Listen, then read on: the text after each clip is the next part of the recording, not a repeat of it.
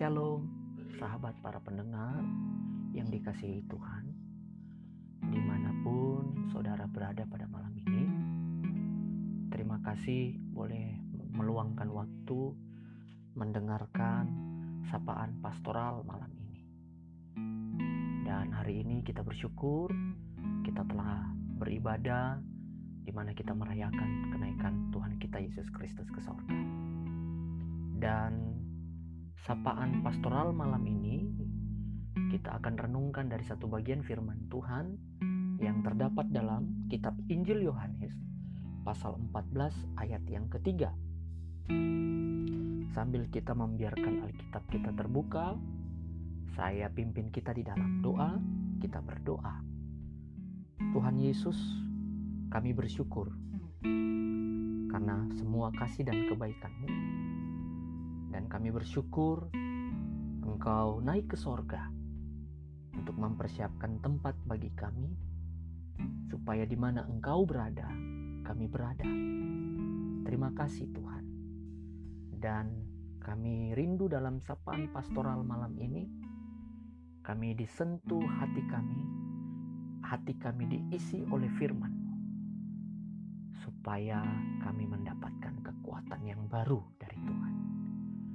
Kuasa rohmu menaungi kami semua. Di dalam nama Tuhan Yesus, kami berdoa. Amin. Demikianlah bunyinya firman Tuhan. Dan apabila aku telah pergi ke situ dan telah menyediakan tempat bagimu, aku akan datang kembali dan membawa kamu ke tempatku, supaya di tempat di mana aku berada, kamu pun berada Sedemikian jauh pembacaan firman Tuhan kita malam ini. Dan tema sapaan pastoral malam ini berjudul masa depan yang menakjubkan. Sahabat pendengar yang dikasihi Tuhan, saya percaya bahwa semua kita merindukan masa depan yang baik untuk hidup kita, untuk anak-anak kita, bahkan untuk keluarga kita. Hari depan yang baik dan usaha kita untuk mempersiapkan masa depan yang baik dengan kita mengatur hidup kita, mempersiapkan kehidupan kita secara khusus. Dalam konteks, saya mengajak kita melihat, merenungkan ketika kita mempersiapkan masa depan anak kita. Kita berusaha sekuat mungkin, semaksimal mungkin, supaya anak kita bisa bersekolah di tempat yang layak, di tempat yang baik, dengan harapan anak kita memiliki ilmu pengetahuan yang baik. Kerinduan ini tentunya tidak salah, sahabat namun sering kali dalam pengertian kita tanpa sadar kita menganggap ilmu pengetahuan dapat mengendalikan segala sesuatu. Sehingga kita berusaha mempersiapkan anak kita untuk bersekolah setinggi mungkin, selayak-layak mungkin, dengan harapan bahwa dia akan memiliki masa depan yang baik. Sahabat para pendengar, saya teringat dengan pernyataan seorang presiden yang bernama Theodore Roosevelt berkata, "Ketika Anda mendidik orang dalam kepandaian dan bukan dalam moral, Anda mendidik ancaman bagi masyarakat." Luar biasa. Pernyataan ini mengingatkan kita akan pemikiran manusia bahwa ilmu pengetahuan dapat mengendalikan segala sesuatu. Namun sebaliknya ingin saya mau katakan buat para pendengar. Mungkin ilmu pengetahuan dapat mengendalikan segala sesuatu. Tetapi ilmu pengetahuan sampai hari ini tidak dapat mengendalikan manusia.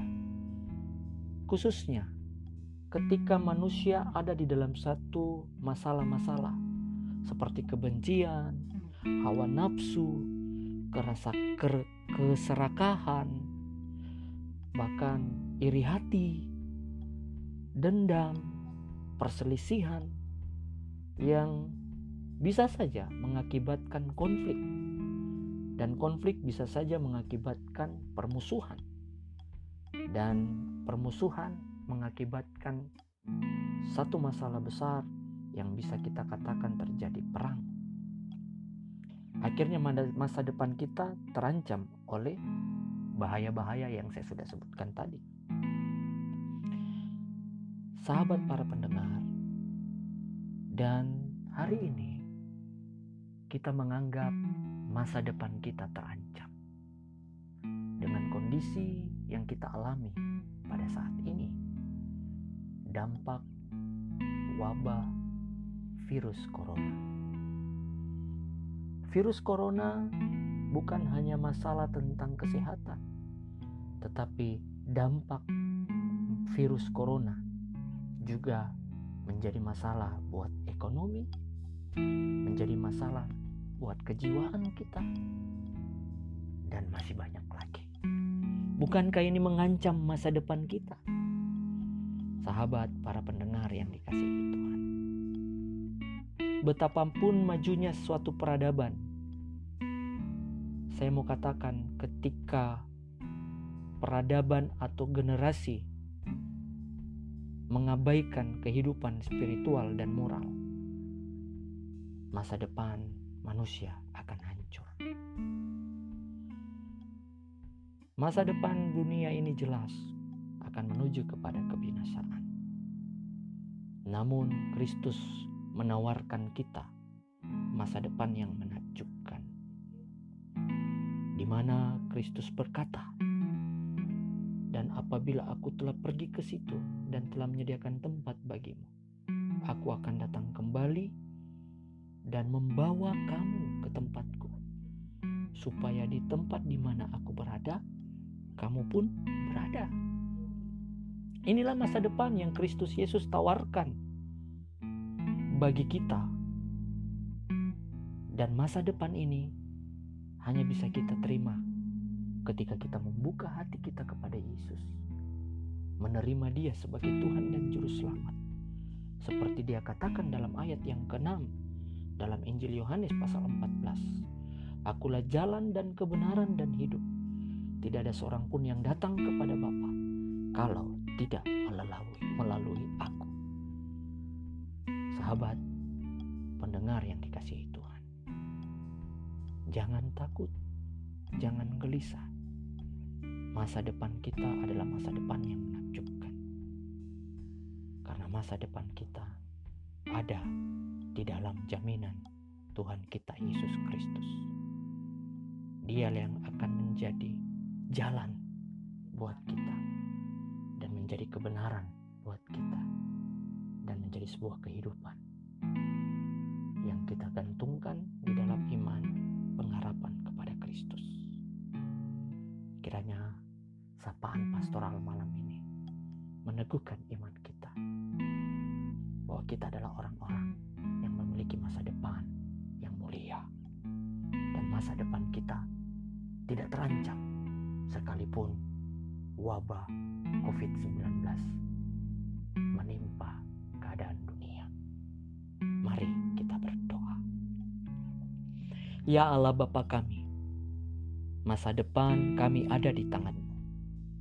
Masa depan yang sungguh menakjubkan.